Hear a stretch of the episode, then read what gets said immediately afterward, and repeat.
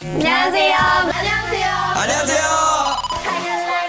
It's time 깜짝이야 Korea. 안녕하세요.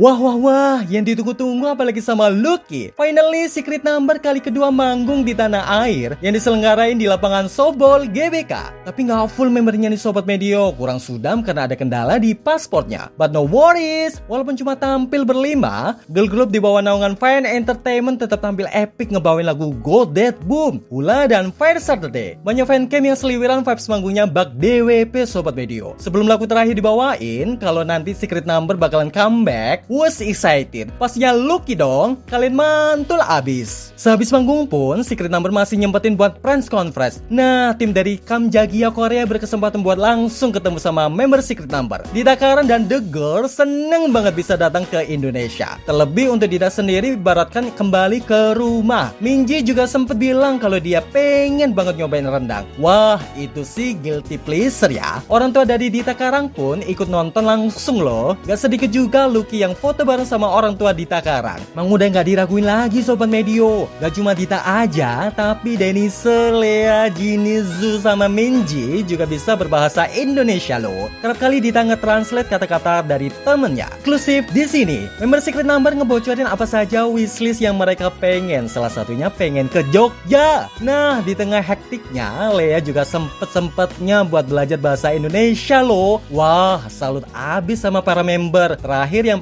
paling spesial, kalau kata Secret Number kalian terbaik, Lucky. Saya Nadi pamit, jangan lupa dengarkan update terbaru lainnya.